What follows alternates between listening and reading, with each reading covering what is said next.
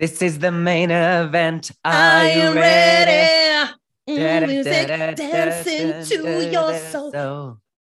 Oh, am benod. Penod rhif dau. Nath y producers ddeffro bore sgwynnu'r benod yma and they chose chaos. you were chaos. Oh, then, there was, there is so much. Mae angen i ni trafod dadansoddi. Sa'n meddwl ddewn ni ddod i, i weilod y mystery oedd y benod yma, Meilir. Ond dwi'n edrych mlaen i drio. oh my god! Wel, dyn ni'n cael rhyw ar y dechrau o wythnos dweitha. Nath Crystal, wrth gwrs, ennill y benod ac mi nath Electra Fence aros Shantae, she stayed.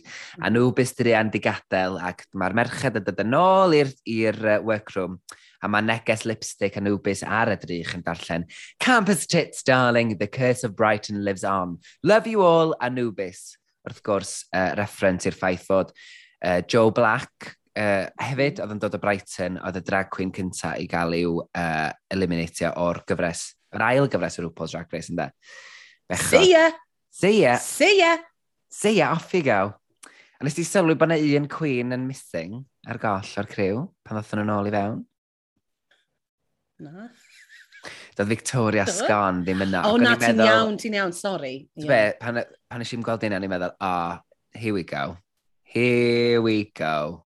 O, oh, paid, fi'n really really poeni, achos wrth gwrs, oedd hi ddod mewn bach yn hwyrach yn do, yn limpio fewn, a oedd e fel, it was like Eureka take two, it's not good, ni ddim yn edrych mlaen i weld beth sy'n mynd i ddigwydd fyna. Hefyd ynddo, dwi'n meddwl bod i werth wneud disclaimer cyn i ni drafod y benod pan mae'n dechrau. Um, dwi, da ni wedi darllen lot o fatha blogs a cyfweliadau ers y benod gyntaf, lle mae lot o'r Queens wedi datgelu fod y gyfres yma wedi cael i'w recordio yn ystod lockdown pan oedd ddim mm. siopau ar agor.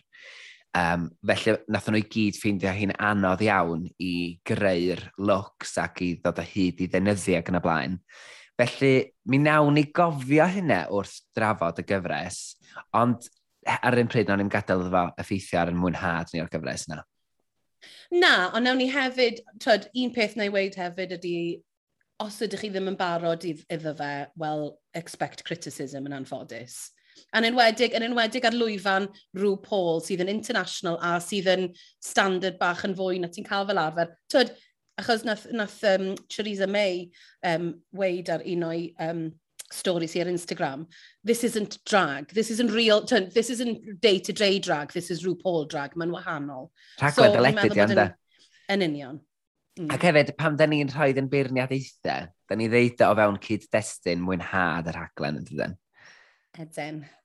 Saying that, let's get started. Felly mae hi'n ddiwrnod newydd yn y workroom a mae'r Queens i gyn dod i fewn. Mae'n achos bach o titl tetl am yr benod ddwytha, ond peth nesaf, mae rhyw Paul yn dod ar yr sgrin ac yn deud, uh, Hey Marys! Now, if you think this competition is for weaklings, you don't know squat because I'm looking for a queen who knows how to work with sweaty balls in her face. Any volunteers? Great cryptic crossword arall, diolch rhyw. What? Yn, uh, mae RuPaul yn deud, mae RuPaul yn dod i oh. fewn i'r uh, i'r workroom ac yn deud, yn atgoffa pawb, mae Crystal Versace nath ennill yr er dasg wrth dwytha. Ac felly mae hi'n cael y dasg o chwarae fersiwn o supermarket sweep. Supermarket sweeps. Gai just weid, mae fe'n teimlo fel bod y producers yma, neu whatever, yn rhoi real platform i Crystal. Achos ni fel, fel arfer, bys ti'n cael the shady, twyd, the library is open, a bys y pawb yn shadio ei gilydd. Ond yn hwn, gath i free reign i fod yn horrible gyda pawb. A ni'n meddwl bod yn eitha cas hefyd, gan, fi'n meddwl bod hi'n ifanc, fi'n meddwl mai dyna'r ffordd mae hi'n meddwl mae drag queen fod i fod yn sassy ac yn shady. Ond roedd hi just ddod allan a just bod yn ffocin horrible i pawb, a neb yn gallu ateb hi. Y Crystal yn dangos i oed go iawn yn hyn, doedd, o ran i'w mm. reeds a syllu dialon yn hynny. Achos yna ddiffyg um, profiad, dwi'n meddwl, o fod o bod be di bod yn ddoniol, ond eto bod chdi bach yn cheeky. Chos nath i roed y star bai i Victoria mm. Scon, sef the biggest competition, a nath Victoria Scon, nath um, Crystal Versace ddeud, no, she's just the biggest. Yeah, she fat-shamed her. Ie, yeah, a ti dda... Oh. Ah. So, da ni di arfer, mae ma drag quiz, os wyt ti'n deud rhywbeth digon doniol a digon clyfar, lle di gael getwe efo lot o bethau. Mm. Oedd hwn ddim yn glyfar, nac yn reiddiol, nac yeah. yn ddoniol. Oedd o just yn gas oedd. Ond oedd ei, fel na gyda pawb, yr un peth gyda River Medway, gath i the bargain bin, achos oedd e bad Trashiest taste. taste. Yeah. Trashiest taste, yn. Fi wedi rhoi Tara Shower, so fi'n meddwl yn oedd yma. Trashiest taste, River Medway. A oedd i fel, yeah, because, ah. A ni fel, oh, oh, cas. Oh. Wedyn eithaf e rei hot deal, o dwi'n cytuno fo Honda, mae gynna fi'r crush mwyaf ar Elef y Day. Oh my god, y llgadau brawna o'n i'n meddwl, sŵn bod hi wedi cael trade of the season, i'n meddwl, oh, bod mae'n hapus. Mm -hmm.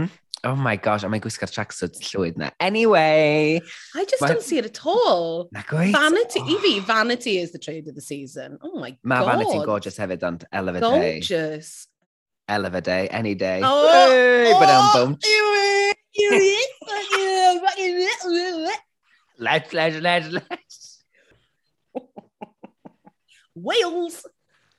Oh my gosh.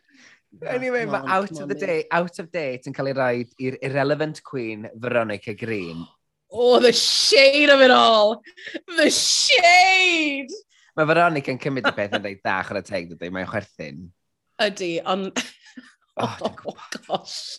Oh, God. Why did they put that? Pam nath nhw roed hwnna? Oh, anyway. Um, Ac yr er lapel ola di bog off, sef y next eliminated queen ac wff, mae'n cael ei roi di Electra Fence trian. Ah, ah. Oh, oh. Nawr ni gweud dim mwy am hwnna. Oh. Gweud dim mwy am hwnna, dod yn ôl at hynna wedyn. Side eyes. Mae rhyw Paul ydyn yn, yn, uh, datgan mae'r er gystadleuaeth yr wythnos yma, yn yr, er sialens, ydy creu... A shit show. Uh, fid...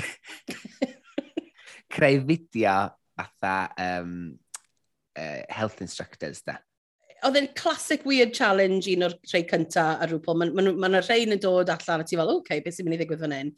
Um, fi yn teimlo bod e bach yn out of touch, achos obviously mae e rhywbeth i wneud gyda Peloton, right? Mm. Wyt ti'n abod rhywun efo Peloton bike? Un neu ddau. Un neu ddau. Fi, oh, wel, sgol yn y ti, hoiti toiti lan, mae'n bala.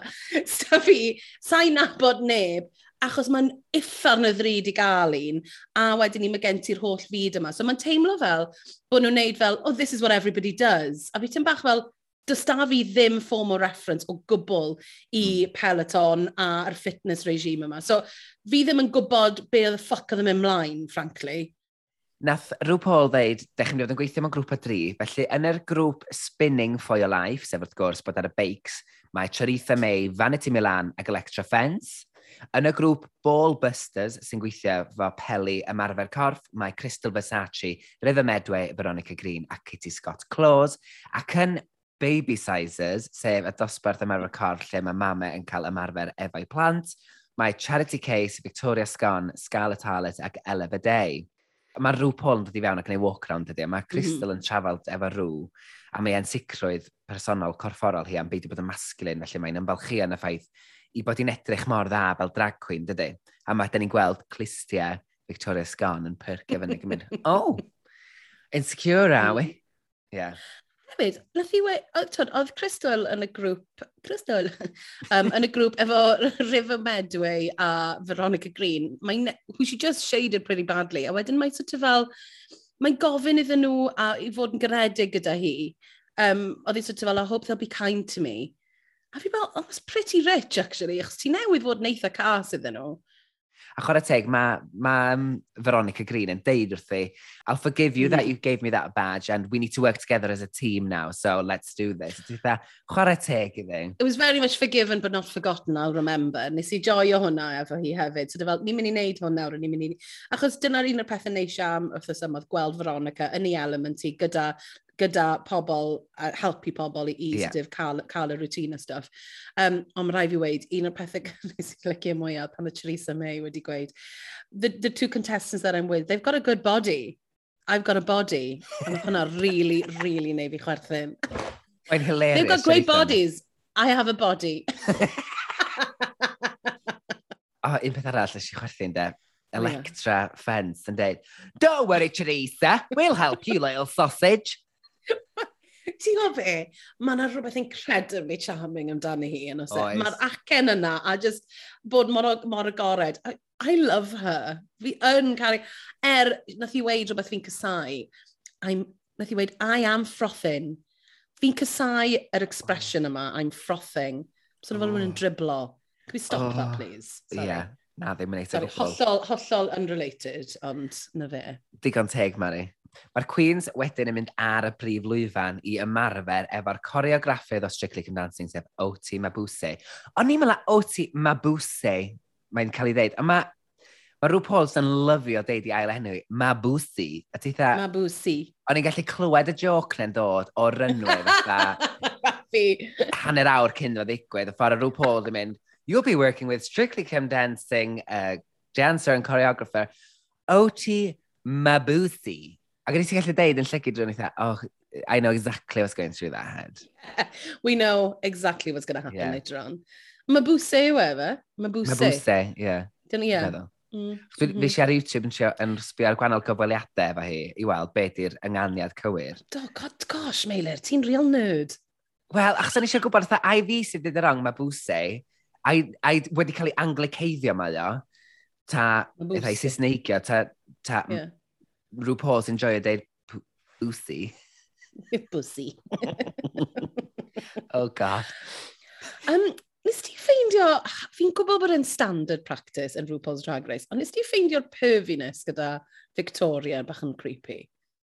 Wel, o'n i'n meddwl yn pit, bod yn amlwg eich dys ddim pit crew lenni. Brit crew, achos... What achos... is that?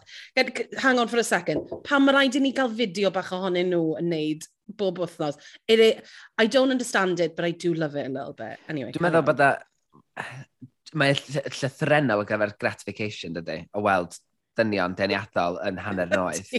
Which is weird. Ydy, yn amlwg achos Covid, dyn nhw methu cael nhw'n ystafell. Um, ond mae e'n mor random. Ond, ond mae hwnna rhywbeth difyr, ond dydy. wwan bod gennym ni fatha mm. AFAB Queen yn, yn ystafell, mae o'n ddifyr gweld sut mae themau efo blas gwahanol yn nhw, neu maen nhw fatha efo... Mm -hmm. Yr un peth fatha, yr, um, Crystal Versace yn, yn fel ti'n gael yn ffatrim ia Victoria Scott. Um, o'n i'n teimlo bod ne fatha... Mae'n wahanol. Mae'n wahanol, yn dydy, oherwydd Ydy, context y peth ag be di'r culture o y pwysau a'r sut i edrych i ferched y wahanol i ddynion. Um, na, fi gyda Wel, y peth yw gyda rhyw Paul hefyd, mae yna wastad di bod elfen o fat-shamio fel joke, fel butt of the joke. Ti'n cofio Alexis, gyda Alexis Michelle, nath nhw wneud the, libra the Libraries Open a day, bod hi'n dew, a nath hi gymryd e'n really wild. Nawr, nath hwnna droi arni hi a pawb fel, you have to take the joke. Ond mae yna wastad elfen di bod gyda plus-size queens that they have to be the butt of the joke and they have to just take it. A hwn oedd y tro cynta, oedd e'n teimlo fel, now we don't have to take it. Mm. Um, A fel menu plus size, oedd yn rili really neis i weld hynna, ond allwn ni drafod hwnna hwyrach mlaen pan, pan ni drafod am y sgwrs yna rhwng Victoria a, mm. a Crystal Versace, ond fi'n credu bod yn dod a, pe a pethau pwysig i fyny, a nawn ni, nawn ni drafod ymhellach yn hwyrach mlaen. Edrych ymlaen i drafod ymhellach. Mm. Ond o ran, o hmm. ran, o ran y fflirtiau rhwng OT mm. a, a Victoria. Ie, yeah mae kind of, dwi'n meddwl, dyma di pethau, e, mae kind of bod yn crwd yn rhan o ddiwylliant drag queen efo, dydy. Deud y pethau sy'n ti neich di'n anghyfforddus. Ac dwi'n meddwl y rheswm yn y diadio hwn i fewn ydy, achos hwn ydy'r tro cyntaf ni gael dynes hoiw ar y sioe. Dwi'n mm. meddwl, dwi'n siŵr... O, rhaid, dyna pam wnaethon nhw, ie, ie. Fel eifab queen hoiw, cynnwys yeah. y ffaith bod hi'n cael flirt efo dynes yeah. arall. Just i ddangos normaleiddio fewn mwyn i'n de, cyffredinol i fe. Dwi'n cymryd mae dyna pam dda fewn. Ie. Yeah. I guess. Ie, yeah, falle bod ti'n iawn, falle bod fi'n meddwl amdano fe bach gormod, ond um, nes i, Na, nes i, I noted it down. Bach, ooh, yeah. Mm, ooh. ooh, women. Oh, gosh. Oh, women. women flirting. Yn ystod yr ymarferion, mae Choritha yn cael traffaeth dilyn yn y grŵp gyntaf bechod ar ei heels, a mae jyst yn briliant, mae mor ffynnu, dydy. She, she is me bys ni union rhyw peth yn y sefyllfa yna, just, in, just going for it, trio wneud rhywbeth ar y beics blincyn oedd y beics yn edrych yn siodi, gallai weid. Oedden nhw'n edrych o bys nhw'n cwmpo unrhyw eiliad. So... Oh, oedden. Ond oh maen nhw'n fariadol yn gwneud bywyd yn anodd i'r Queens, mae'n dydy? I mean, ydyn. Oedd hwnna ddim yn edrych yn saff. Ac oedd. Mae'n edrych electra ddisgyn oedd ar ar yr ceffil yn dydyn. Disgyn oedd ar yr beic. Wff. Ac o, nath o ti ddeud wrth ele, uh, Electra yn yr ymarfer yna, ti o flaen bawb, mae angen i chdi mm. slafu lawr. Noted. Meddwl, oh, noted.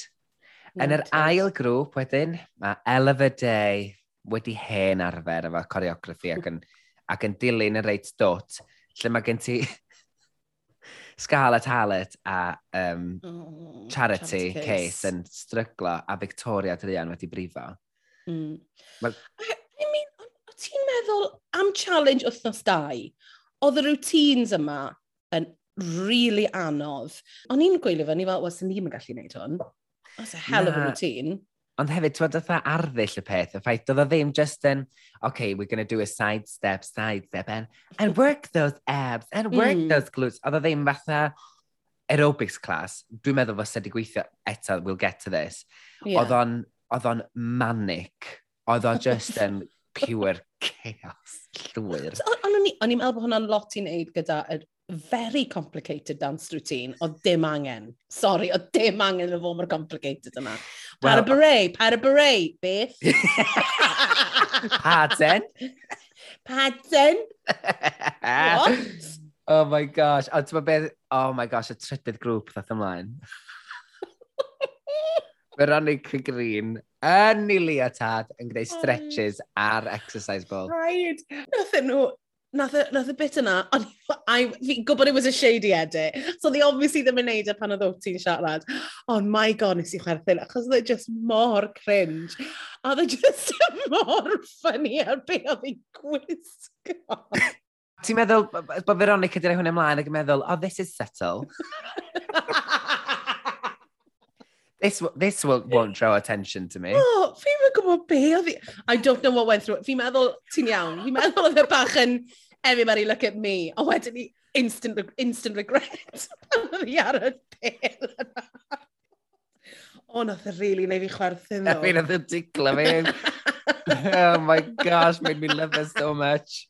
Oh my god, ar esgyd, ar oh, socks bach efo'r esgyd. Oh, oh yes.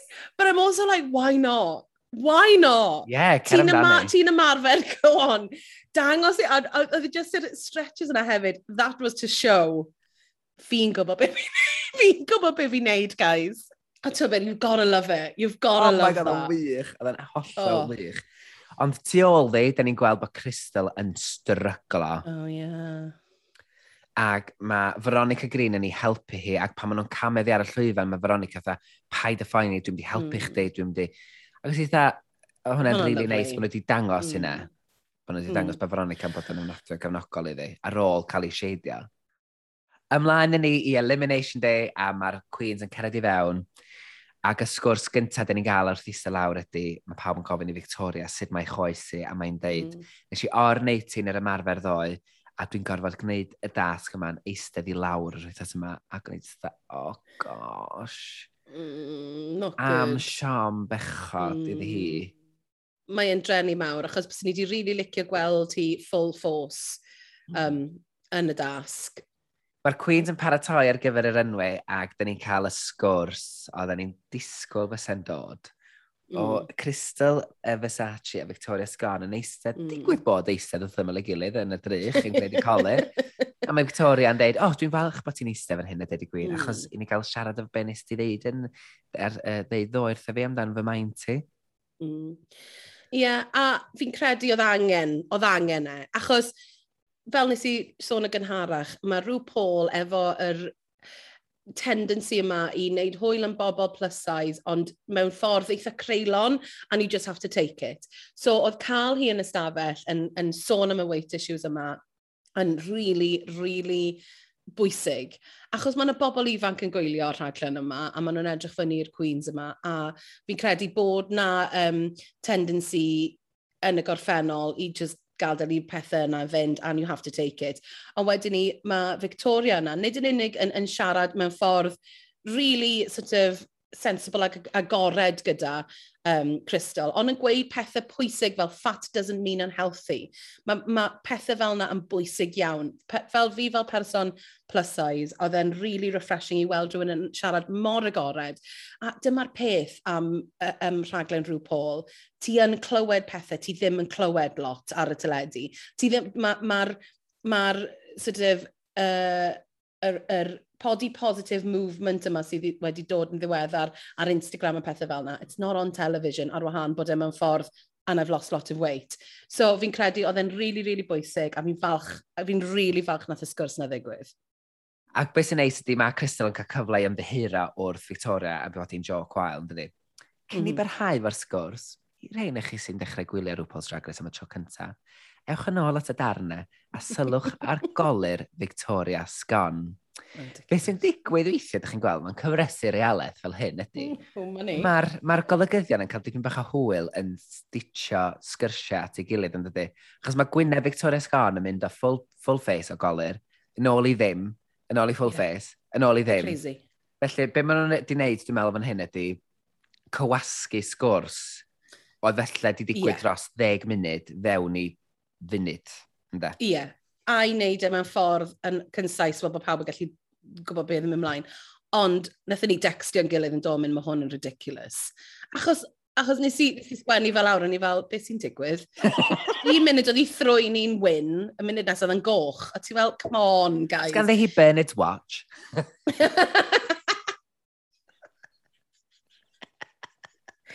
I'll just do that bit again, Bernard's watch. Be? Sa'n gwybod. Ti'n gwybod cofio Bennett Watch? Ydw, troi'n amser nôl. Ie. Yeah. Yeah, nes i trio acto fy mas fyna, Meilir, a nath e ddim really gweithio mas. Dyna bydd y pause now, man? Yeah, I'm going to redo my makeup. Oh, hang on, Bernard's watch. Dyna be nes i. A nes i patio fy ngwyneb, a nes i fynd, hwn yn pathetic.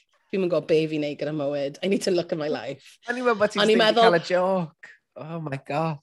Sôn am Joe Gwael, dath Crystal Versace oh. ymddihir am y Joe Gwael dath hi'n neud yn rhoi y badge i Victoria Sgan. Ti'n arwain wedyn oh. at Electra Fence. Ie. Yeah. Sorry. Electra Fence yn sôn am, am i brychni hi ar ei chorffi, sydd yn, sydd yn um, gallu bod, twyd, mae fe'n big thing. Ond wedyn ni, ni'n mynd i'r confessional a mae'n crio heb ddagre. A wedyn ni, mae'n sort of troi at y grŵp. a dde jyst yn teimlo slightly yn camera grabby. Fel, nawr fi'n mynd i weid bit fi actually. A nawr pawb arall beth amdano chi. Oedd e jyst yn teimlo bach yn performative. Oedd e jyst fel, o'r gorau. Pan mae'n troi rawn, fatha bod i ar um, a plinth yn Leicester Square. Mynd, Does anyone else have any body confidence problems or skin problems or anything? Oedd e jyst yn, beth? bach yn random. A dwi'n meddwl eto, mae, mae diben hi wastad yn anwyl ac yn ddiniwed. O, oh, sydi. E, oedd e bach yn Alright, mae'n mae iawn, dim rhaid i ti, ond dargarau, diolch i ti am hynna.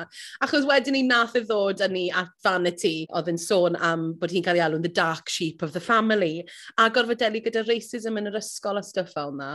A be nath i ddod, be nath i weid, o'n i'n meddwl oedd yn really angen nodi, really, I'm the only black queen. Mm -hmm. A mae hwnna'n mhm. hollol wir. Mm -hmm. um, mhm. she's, so, mae ma clywed sut oedd hi'n teimlo bach yn awkward, neu teimlo bach yn... Anghyfforddus, yn dydy? Anghyfforddus, ie. Ffaith bod hi'n yeah. teimlo bod hi'n gorfod uh, cynrychioli black queens i gyd, cyfrifoldeb yr haglen ydy cynrychiolaeth Mm. Ac mae o'n rhywbeth i ddeud am y gyfres yma, am y diffyg cynrychiolaeth sydd, ar sydd o fewn y grŵp. Mae'n mm. gret bod gyda ni eithaf Queen am hwnna wedi cael lot o sylw. Mm. Ond dylse hwn ddim yn rhywbeth, dylse fod rhywbeth un neu'r llall o ran cynrychiolaeth. Dyle fe ddim fod yn tic. Ni wedi gwneud box yna nawr. Na. A dyna be mae fe'n teimlo slightly fel. A fi'n cytuno gyda ti, mae cynrychiolaeth yn beth hynod o bwysig. A beth maen nhw'n gwneud yn dda iawn yn America um, ydy cael um, lot o wahanol queens o wahanol gefndiroedd, a fi'n credu bod e yn bwysig, a mi'n falch na fan y ti weid e, a da iawn hi am weid e, ti'n modd? I'm the only black queen, look around the room. A dwi'n falch bod y, y cynnyrchwyr wedi cadw'r cadw sgwrs na fewn mm. hefyd. Um, hefyd, nes i rili really joio'r foment gyda um, Charity Case a Kitty'n siarad a, a sort of yn, yn helpu gilydd ac yn codi gilydd. A, a, o'n i'n meddwl bod y bit yna mor sweet. I'm just like, I think you're great, I think you're great. O'n i'n really sweet, o'n i'n meddwl dwi'n lic... mae rai i ddeud, mae, mae Kitty Scott Claws a Charity, mae nhw'n ma nhw gymeriadau dwi'n hoff iawn ohonyn nhw hyd yma, da. A fi, a fi. Den, den, den, den, den, den, den, den, den, den, boing. Bob tro! Hang on, hang on, hang on, hang on. Dun. Dun, dun. Dun, dun, dun, dun, dun, dun, dun, Put the bass in your walk. Head to toe, let your whole body talk. Wel, dwi'm yn gwybod ar y tîm Mari, ond talk about CGM. Pan wel i rhyw Paul tro yma yn dod oh, lawr yr enwau. Cytuno. Cytuno. Oh, the, oh. the silhouette was back. Oh. Y ah. silhouette ni yn nabod ac yn caru. Y gwallt mawr. Oh my gosh, y gwallt. Mm. Oh my god. I loved it. Wrth gwrs, oedd rhyw Paul yn gwisgo... Absolutely can with that. A fi fyd. Oedd rhyw Paul yn gwisgo ffrog maxi sheer efo streipiau sequin glas. Sequins glas a melyn, y gwallt fwy anhygoel mawr blond, efo'r flic yn y fringe, a'r curls ma, jyst yn mawr llydan yn disgyn dros mm. ei sgwydda hi. Nes i posio, fa, nes i posio ar rhaglen achos o'n i jyst dda, dwi angen syllun i her y funud. Oh my. Oh, beautiful. A dyna pryd ti'n sylweddoli pam mae rhyw Paul ydy un o drag queens fwyaf, wel, os nad y drag queen fwyaf enwog yn y byd. Yn symud ymlaen o rhyw uh, outfit rhyw Paul. wnaethon ni ddechrau y sioe Dragatron. My God. Honest, fi meddwl, fi'n mynd i weid e. Cer. Hwn oedd un o'r challenges gweitha dwi wedi gweld yn Drag Race History. O'n i'n meddwl bod e'n really aggressive, really aggressive. Uh, o'n i'n meddwl bod e'n really messy, aggressive, yn really uchel, a sa'n credu mae bai queens o e. so, take from that what you will. O'n i'n meddwl bod e'n... Oedd yr intros yn intense gyda nhw i gyn gweiddi arno fi am ryw reswm, o'n i'n gwein deall pam. O'n i fel, okay, we're starting intense, so let's see where this goes. Oh my god. Dwi'n cytuno efo chdi gant y cant, achos fel ti'n deud, yn y cyfleiriadau bob Queen, nath ni, oedden ni gyd sy'n gweiddi, ac oedd y microphones yn, yn picio, um, oedd pawb jyst yn gweiddi, oedd na ormod o sŵn, oedd y music yn ei dda, beth sydd yn ddigwydd? beth sydd hmm. yn digwydd hynny? Ac o'n i'n meddwl, ma, oedd o'n gymaint o bechod achos doedd ne ddim cyfle i'r brenhinesau yma gyflwyno hunain efo cymeriadau gwahanol. Yn yr, yn yr introductions, o'n i'n meddwl bod um, charity case oedd yr un o sefyll allan, achos o gen i'r accent mawr ma. Yr er, er mynd... Sorry. Oedd o'n boenus yn dod o'n eitha, beth ydych chi'n neud? Hmm. A wedyn allan ymlaen e i'r wallet warm-up bit yma, ble oedden nhw'n sort of gweud wrth pobl i dalu. O'n i fel... Mor random. Eto, dyna pam o'n i fel, yw hwn yn digwydd ar Peloton? Cos fi ddim yn deall. I don't get the context. Wallet warm-up? I'm sorry. Oedd a QVC matched with... Dwi'n mwyn gwybod, WWF Wrestling. Yeah. So, ydy hwnna'n digwydd yn Peloton ble maen nhw'n ma nhw, ma nhw sort of gweud talwch ni nawr? A nes i sylwi fi, nath, oedd, nath nhw roed edit o rhyw Paul yn sbio ar Electra ddim yn impressed o gwbl o'r dechrau. Mm -hmm. Ie, yeah, na fi'n gwybod, a fi ddim cweith yn deall pam. Na fi chwaith. Achos fi'n meddwl oedd hi'n ffain. Oedd hi'n, yn yr, yn yr, yn yr intro, oedd hi'n ffain. Mm -hmm. Yn y bit yma, who knows what was going on. Mm -hmm. So, tyd, oedd da fi ddim syniad beth am ymlaen. Dyw hwn ddim yn popular culture. Na. Dyna, achos dyna be mae Rhw Paul yn neud yn dda, ydy mae'n dod o popular culture a wneud e fel y Kardashians musical er enghraifft. Ond oedd hwn just fel, fi ddim yn deall beth sy'n ymlaen fan hyn. Fi just, I don't get what you're, I don't get the reference, I don't get what you're selling me. Na. Sorry, RuPaul. Paul. Na, dwi'n cytuno fach chdi. Wedyn ni, nathon ni fy mlaen i'r, beth oedd enw rhain? Rhaid o Dies.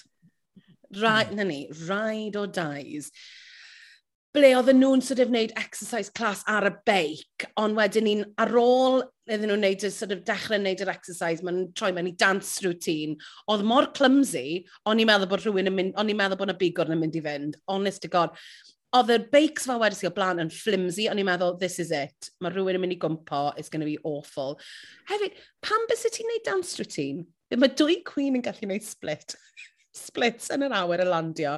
A wedyn mi gen ti un queen sydd ddim mae, na gyd na, roedd Theresa May gorfod just drop to the floor. Fel iawn lle ni. O'n i just fel, Ond mae rai fi ddeud e, dwi'n meddwl na Siareithio May ddelio fo yn wych. Achos nath i chwarae cymeriad drwyddo fo draw, nath i byth, nes i byth, o'n i'n gallu gweld bod hi'n colli am beth i step, ond nath o, nes i byth fynd, ww, ww, gosh, o, mae hwn yn awkward. Oedd hi fatha, you go girl. Oedd well gen i gwylio hi achos oedd hi'n ffynnu, a oedd hi'n sort of, o'n i'n teimlo fel, I would be the same in that situation. So hmm. o'n i fel, I was on her side, really.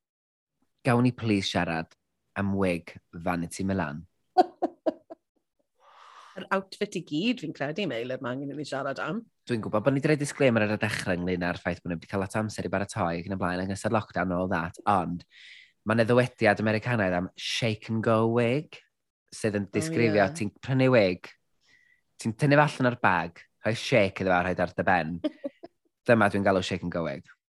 Y peth ydy, I wouldn't have minded it was a shake and go wig, achos oedd e'r fath yna sort of uh, comedy, os oedd ti'n chwarae'r comedy, bys fe wedi bod yn ffain. Be o'n i'n poeni mwy am, oedd oedd hi'n gwisgo'r wig ma, a wedyn oedd hi outfit, outfit hi'n edrych o bod hi'n mynd ar noson allan, but she was doing a workout routine, a oedd yr outfit hefyd ddim really mynd gyda'r wig. A ti fel, so mae'r wig yma yn trio denu, denu dylygad i, right? I get mm that. Ond wedyn ni, pan mae'r llygad i'n dod, beth ydw i'n gweld? A woman on a night out on a bike, beth sy'n digwydd? Ond na lot o'r outfits o'n i'n meddwl, frankly, o'n i bach fel, beth sy'n digwydd? Pam chi'n... O'n i fel, o'n i'n meddwl bod hwn fod yn, yn exercise, a fi'n...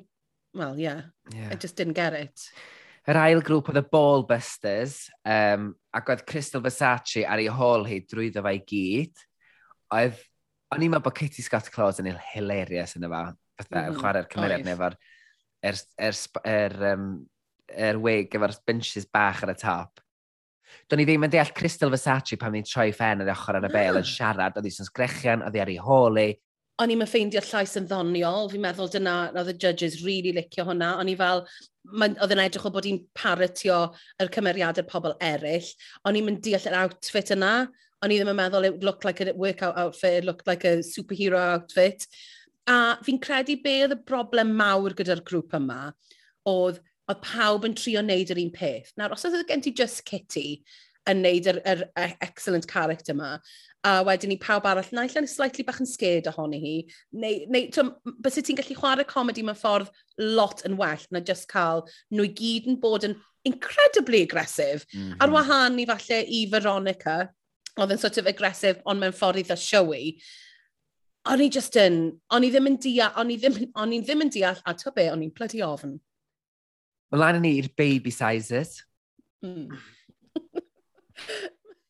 fi, fi just i sgwennu fan hyn, mor weird. Mor weird. O'n i ffeindio, fi, fi, fi, fi hefyd yn meddwl bod yn, yn dewis really odd i wneud mam, mummies yn trio mynd nôl i siap ar ôl cael babi. Pan oedd y ddau arall amdano equipment, fi ddim cweith yn deall pam. Dwi'n meddwl y rheswm maen nhw wedi gwneud o, di'ch bod y dosbarthiadau yma yn rhywbeth newydd wan lle ti'n gallu mynd at y blant efo ti i ddosbarth ymarfer corff lle ceint fysa ti right. ddim. So mae gen ti ddosbarthiadau lle mae mame yn cael dod o'i babis a ti'n cael codi a mynd at dy blentyn fel o ti eisiau heb deimlo bod ti'n tarddu ar, yr, ar y wers. That oh, right, said, okay. uh, oedd e just yn weird. Oedd e'n really weird. Be oedd yn neud yn mwy weird, oedd charity case just yn mynd yn blank. Edrych o gwmpas yn rhywun fel, be sy'n digwydd? A'n bwysi oedd Veronica just yn, oedd um, Victoria just yn ista lawr. O'n i'n fel, mo'n just yn weird. Be sy'n mynd mlaen? O'n i'n oh teimlo oh, sydd oedd charity case yn edrych. Be sydd yn digwydd? Ac oedd y babi ni llaw i wedi cael ei fflingio o gwmpas. O'n i'n beth di hwn? Mae hwn eitha rhyw horror film. Oh. A wedyn gafon ni'r section really rhyfedd yma, yr warm down malfunction oedd nhw'n gael efo. Lle, neu dyna dwi di alw efo. lle oedd nhw fatha pawb jyst yn mynd yn hurt, yn gweiddi, yn agresif, pawb over the top ac yn collapsio ar y diwedd fatha achos na robot oedd nhw. Be? Ie, yeah, o'n i'n mynd i weid, if, if a robots oedd nhw, is that what it was? Wel, dwi'n trio dychmygu'r bobl yma yn yr stafell. yn dod i fyny efo'r syniad yma, a wedyn, ti'n beth sy'n gallu digwydd ydy, bod nhw i gyd yn malfunctiono achos na robot ydyn nhw. Be? I fi, tweld, oedd rhyw fel ar y diwedd, rhyw edrych rownd, so yn mynd, because it was a shit show and she knew Somebody's it was a shit show. getting fired. Somebody's getting fired today. Y categori ar gyfer yr enwau ydy Red Carpet Showstoppers. Pan glwys i hynna, o'n i dda, yes, yna, dwi wrth fy modd gweld drag queens yn cyflwyno hmm. glamour ar yr enwau. Beth ddau ti'n feddwl, Mari? Wel, o'n i'n meddwl dyle fe fod wedi cael ei alw yn the Rainbow Runway. Achos pa, oedd pob un efo lliw gwahanol, a pan oedden nhw'n sefyll ar y diwedd yn cael y judges critiques, oedd yn edrych fel, fel pride flag. Oh, wow! Oedd edrych fel Elvis. Nes i, nes i weld hwnna ar, ar Reddit. Oh. Neithiwr, nes i ah. mynd, oh yeah! So, da ni'n gwneud yn gwaith cartre yma'r podlediad Queens. Ni, ni nerds. Football nerds. Felly, yn gyntaf ar y runway oedd Theresa May. Nawr, oedd hi'n gwisgo bodysuit silver un goes, a dros hwnna oedd hi'n gwisgo bron, bron o bod deconstructed flamenco dress efo un llewis. A oedd y ffrog yn las efo polka dots mawr gwyn arno fe, Ond y belt a sgidiau arian a wig di gyda yr head piece yma yn incorporated mewn iddo fe. O'n i'n meddwl oedd yn edrych ti'n bach fel chocolate topper ar ben ice cream. Oedd e'n intricate iawn. Byn ar byn ar gweithio fi, Meilir. Beth wyt ti'n meddwl? Beth wyt ti'n meddwl o hwn? Pan ddod treitha me allan, o'n i'n meddwl, oce, okay, oedd cysyniad y look yma i gyd yn, yn gyflawn, o'n i'n meddwl bod o'n drwsiadus iawn, oedd o'n, so the lining tu fewn i'r ffrog, um, oedd, oedd o'n, o'n i'n meddwl bod o'n runway werthu, o'n i'n meddwl bod o'n gred. Dwi'n meddwl bod o'n rhywbeth weird yn mynd ymlaen fo'r top. Do'n i'n licio'r rap polka dot dros i chanol i efo'r top cyflan. Fatha, mm. dwi'n meddwl sydd wedi gallu'r gwneud heb yr rap dros y bust a just y lawes wrach neu rhywbeth fel e, neu jyst bach gormod o ddefnydd rownd i thopi lle oedd o'n tagu hi braidd. Ond, fel mm. dwi'n dweud, fatha, fatha oedd o'n well put together, dwi'n meddwl, oedd o'n dda, oedd hi'n wisg bodd haol iawn, a nes i fwynhau yn ofnadwy. Hmm. Beth ti'n meddwl? Fi'n angytuno, nes i ddim hoffi fe lot. Na. Nes i, fi, fi, fi ddim cweit yn deall e. Fi'n meddwl bod y bach yn clunky. mm um, falle, fel, fel ti sôn am y top, fi bach fel, pa, fi ddim yn deall yr asymmetry ohono fe, fi ddim quite, to, be fi'n rili really licio'r manylion bach, mm. fi'n licio yr, yr lining yn wahanol, yr belt yn mynd efo'r sgidiau, a fi'n licio yr, yr headpiece. So, fi ddim yn siŵr beth sydd ddim yn, mae'n rhywbeth sydd ddim yn taro deg efo fi. Fel ti'n dweud, mae'n ddwy look mewn un, dydy. Ti ddim, mae unai ti'n mynd am yr, yr defnydd stretch leotard ma, sydd fatha'r bodysuit o, yr arian, mm neu ti'n mynd am y flamenco dress, dwi'n meddwl, mae'r ddau beth fe'i gilydd jyst yn ormod ac dyn nhw ddim yn cyd-fynd mm. efo'i gilydd, achos mae gen ti steil traddodiadol y flamenco, a wedyn mae gen ti'r hmm. dance mm. bodysuit mae danodd sydd jyst bach yn rhyfedd. Ond mae'n uchelgeisiol yn dydy? Ydy mae e, ydy mae e. Ond fi ddim yn deall pam sydd wedi cael un puffy sleeve a un relatively norm, I don't know. Oedd e just ddim i fi nesaf ar y llwyfer mae Electra Fence mewn ffrog arian ddisgleiriog.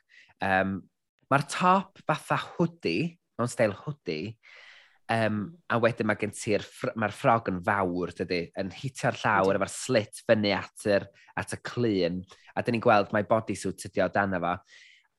Eh, dwi'n gweld be mae wedi drio wneud efo'n hyn, just fel mae'r nath y judges dweud, achos bod hi'n queen reit fyr, mae, e, mae'n teimlo fatha bod hi'n llusgo'r ffrog o amgylch yr llwyfan. Wel, o'n i'n... Problem fi gyda'r outfit yma eto yw y ffit. Mae, ma hwn wedi bod yn thema dros yr un, yr un diwetha, y rhaglen diwetha hefyd. Achos beth sy'n digwydd ydy, mae yn, yn, yn naturiol, mae corff yr mae gen hi broad shoulders, ti'n gwybod? Felly mae cael hwdi y, y, y, sort of, y, y siap yma a neud i edrych bach mwy brod. Nawr, be fi'n credu bydd wedi bod yn neis gyda hwn yw belt neu cinch bach i sort of cael mwy o siap iddi chi. Os be ddigwyddodd yn hyn, oedd nath i golli siap, fi'n meddwl, yn gyfan gwbl. Fi hefyd yn credu bod y wig ddim yn mynd gyda'r outfit yma. Fi'n meddwl bod yn neud i edrych lot yn hun, um, na mae'r wisg yma yn, yn sort of gwerthu fi. Fi credu falle gyda wig arall, fi, fi'n siŵr falle wig really byr, melyn. Ie, yeah, a dod fatha slicked back, lliw... fatha wet look, fatha. Ie, yeah, rhywbeth fel na. Mae mor agos, mae mor agos. Ond byse details bach really wedi dod o fe ti gilydd, a mae'n drenu, achos it, it, it's not a bad look, it's just not up to scratch, really.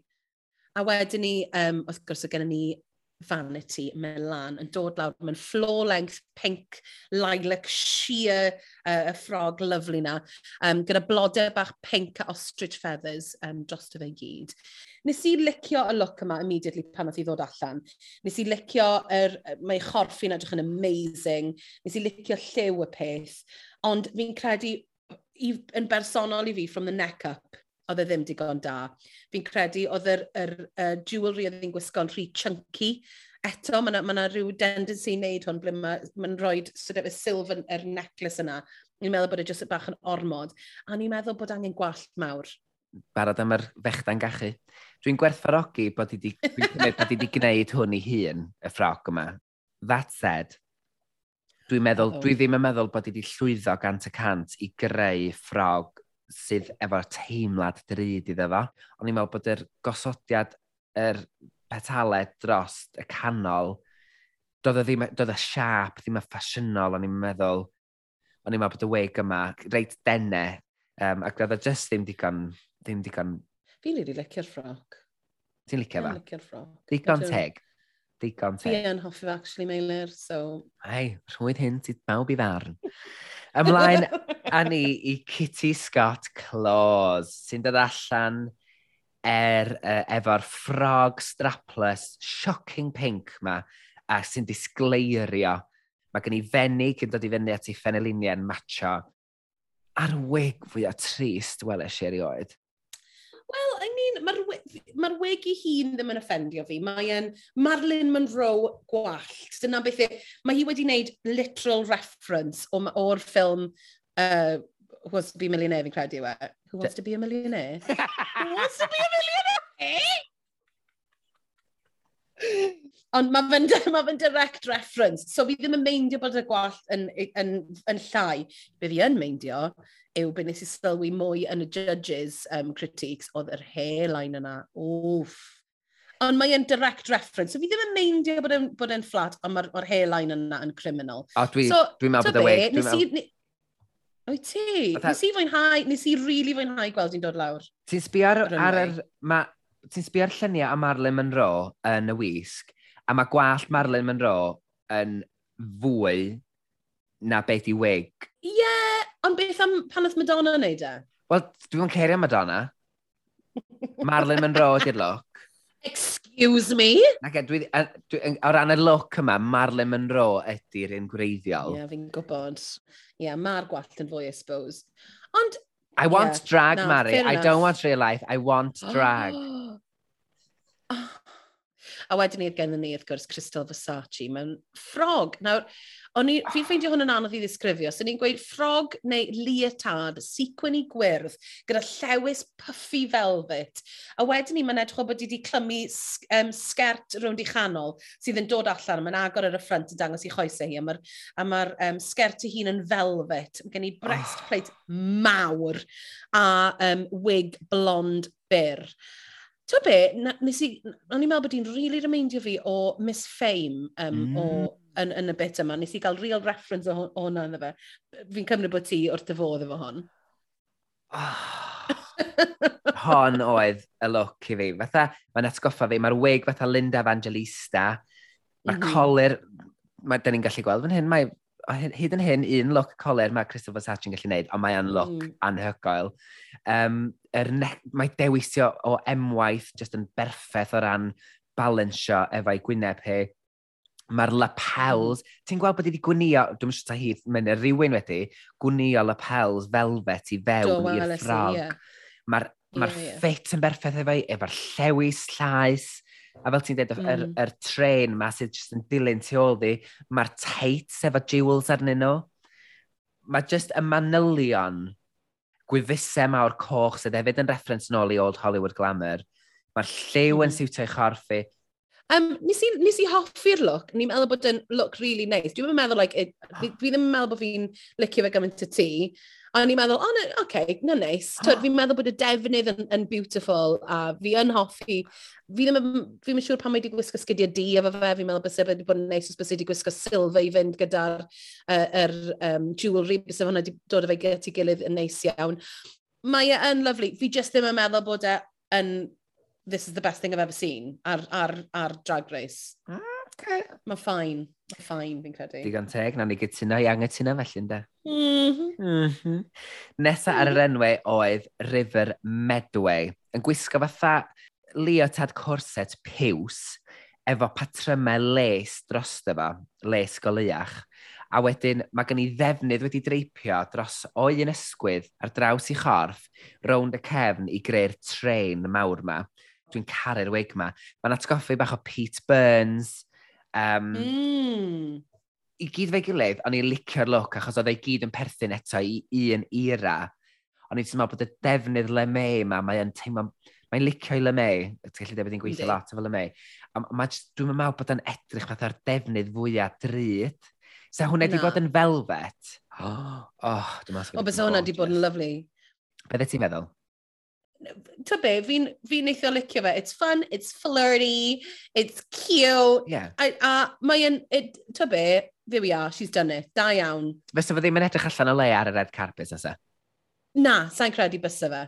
Yn enwedig yn 2004. A wedyn ni nesaf mae gennym ni Veronica Green yn dod lawr y runway mewn ffrog melyn, uh, dim llewis ar y top, a byr yn y blaen a hir ar y cefn um, yn y defnydd tŵl efo rhyw fath o satin ar y tu fewn, y, y lining. A mae gen hi wig, sori, mae'r wig yma'n beautiful. Mm -hmm. Honey blonde, curly, um, nath i ddod lawr yn sort of gweud, my inspiration is Kylie, a ti'n gallu gweld hynna, gen hi cuffs air hefyd.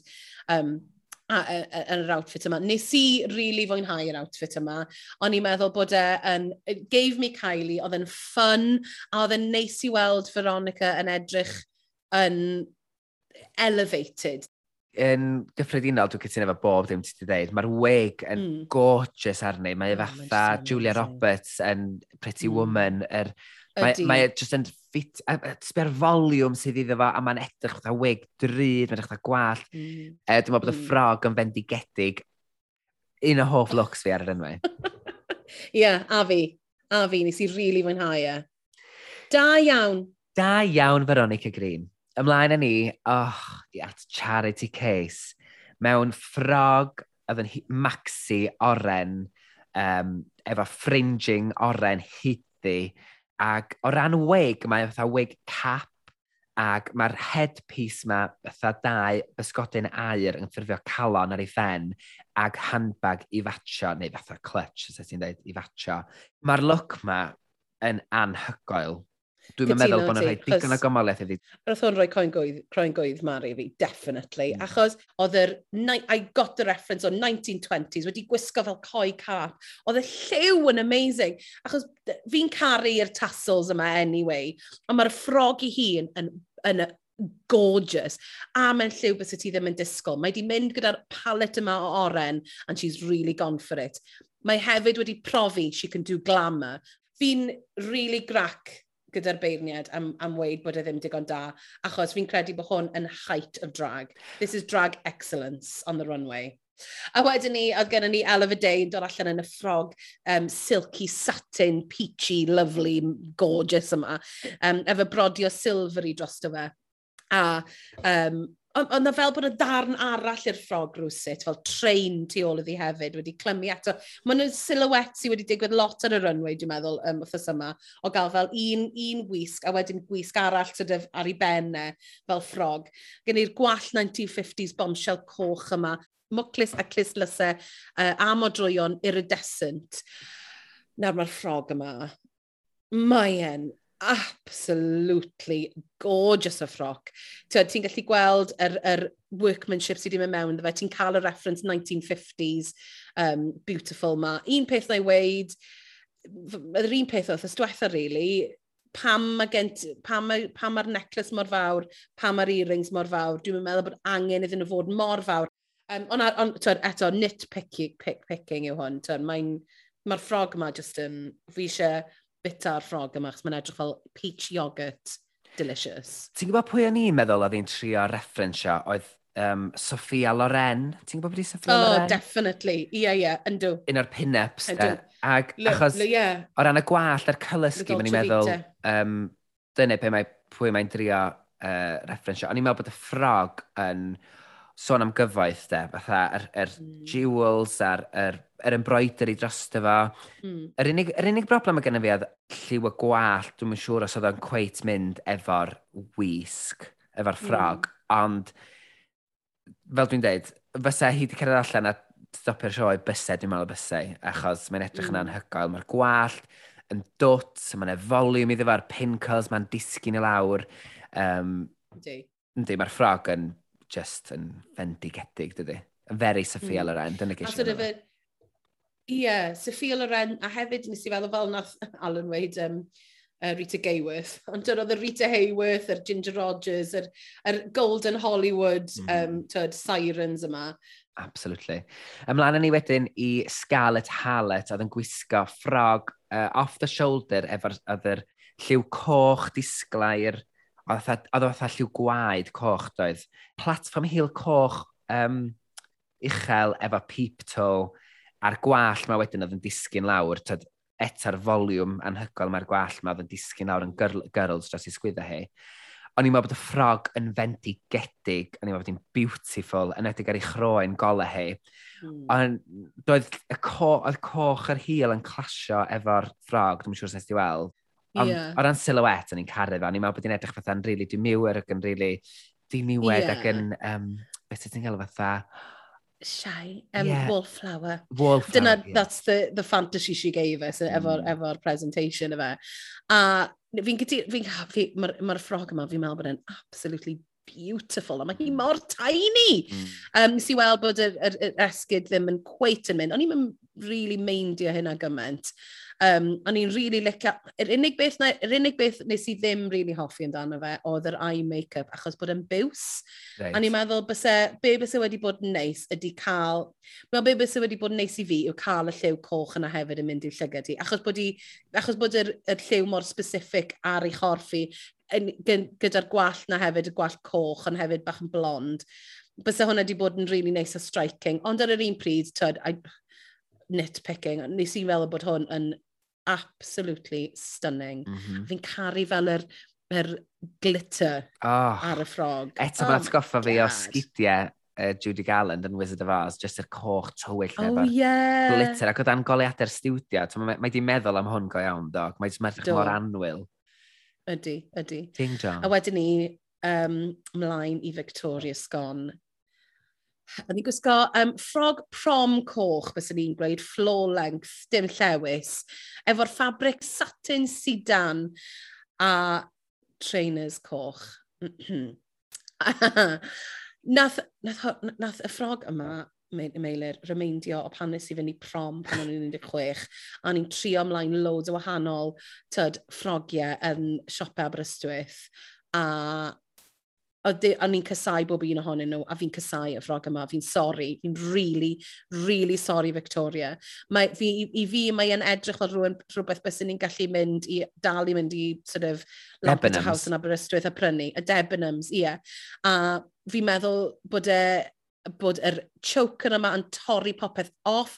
Mae make-up i lot tri ole i gweddill yr outfit, achos bod ni'n dangos i breichiau hi hefyd. Mae'n ma sort of wahanol iawn i lliw i breichiau hi. Gyda'r gwyn yma hefyd, mae e just, i fi, it's not the one, sorry Victoria. A fi'n deall pa mae'n gwisgo trainers, ond mae'n biti bod ni'n gallu gweld nhw. Y pethau dwi'n licio, dwi'n licio'r lliw. Mae'r lliw y matio dda yn mynd yn dda fe'i chroeni, ac y lliw y wig. Um, mm. Wedyn, Dwi'n meddwl bod ti'n iawn bod hon yn ffrog sydd wedi cael ei ffrynu o siop.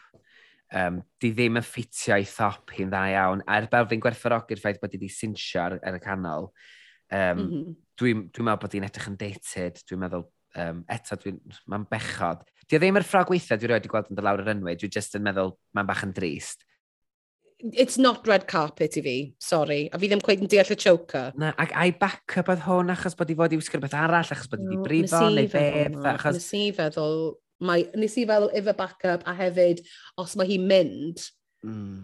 wel, di ddim wedi wastio outfit, tyd, spectacular ar, ar hwn, beth sy'n gallu dod nôl y cyfres nesaf. Neu, mae'n, it doesn't feel like the main event iddi hi, ac am bod hi hefyd wedi dod allan yn pethau mor beautiful a mor extravagant o blaen. Mae hwn yn teimlo fel bach disappointment. O'i gymharu, fel ti'n dweud o'r peth eraill mae di wisgo, mae jyst yn bach yn, dwi'n sioc di weld ti'n gwisgo hwn. Sorry, sorry Victoria, fi dal yn caru ti loads. Da ni yn dal yn caru chdi, Victoria. Ac... Fi'n meddwl bod ti'n amazing. Da ni just yn beirniadu yn rhaid sylwadau ar y gwisgoedd mae'n hollol arwynebol fel da ni'n gweld nhw yn dod lawr yr enwau, oce? Okay? Ie, yeah. oce okay, pawb. Wedyn, da ni'n cael y deliberations ac mm -hmm. yn saff mae Charitha May, River Medway, Eleva Day, Scarlett Hallett a Victoria Sgon. A ydyn ni nôl i Untucked yn do, a um, naethon ni glywed y beirniad, a naethon ni ffeindio allan bod tri yn y gweilod, really, na fe. So, Electra, Vanity a... Charity. Fi ddim yn deall pam. Mm -hmm. Charity case. Fi'n disgusted efo fi'n deall achos y dawnsio, ond o'n beth o'n nhw'n gweud am y wisg yn gross, sorry. Ac yn y top devs, Kitty Scott Claus, Crystal Versace a Veronica Green. Yeah. Sut bod Crystal yn gallu bod yn y top am fod wedi dawnsio mor wael, yn y top mm. a charity yn y gweilod, Fi'n mynd deall. Dwi'n meddwl bod gwisg Crystal wedi yn golygu dylse wedi bod yn y top o ystyried i yeah. pherfformiad hyn y sialens. Yn yr un ffordd, yeah. dwi'n meddwl bod charity yn heiddi bod yn y gweilad oherwydd i pherfformiad yn y sialens? Wel, na ni, na ni fy mlaen i weid mae, mae Crystal nath ennill mhm. yr mm -hmm. er, er, benod yma.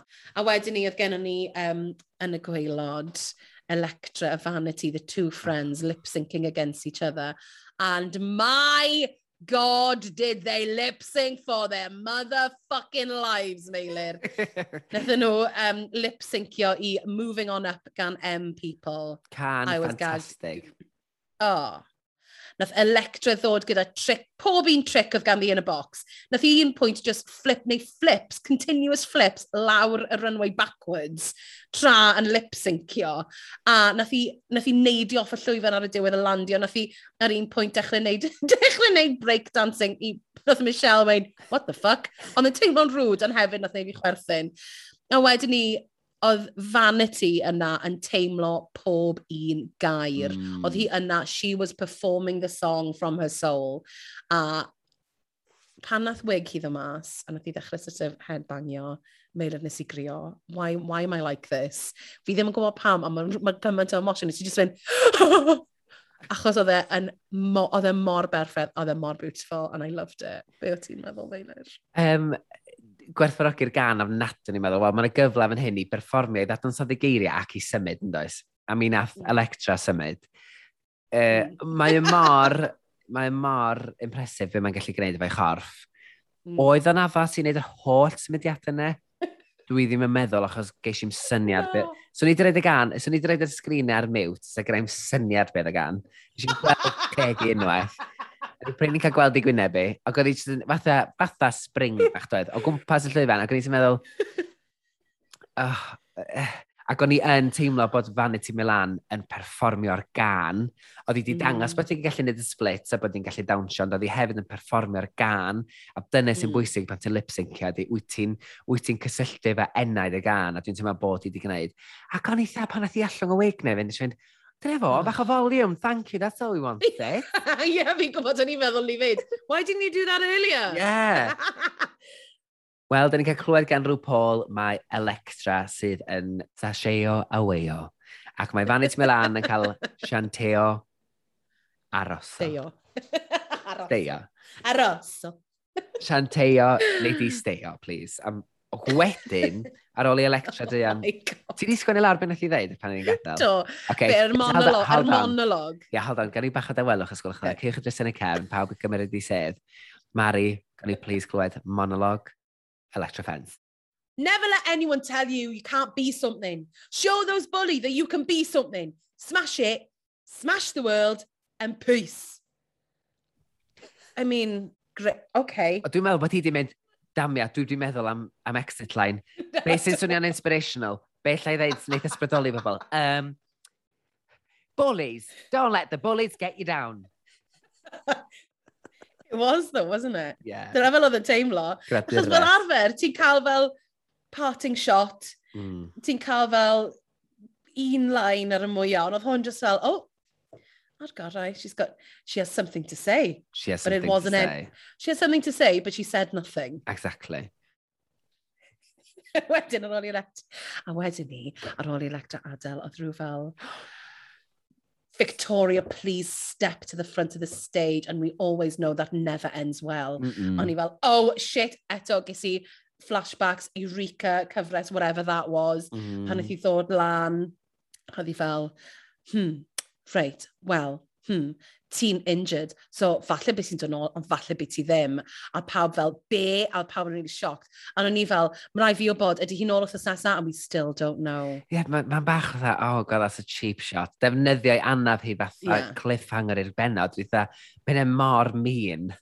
Achos yn amlwg, maen nhw'n gwybod. Ni'n teimlo bod bach yn mean. Ydyn.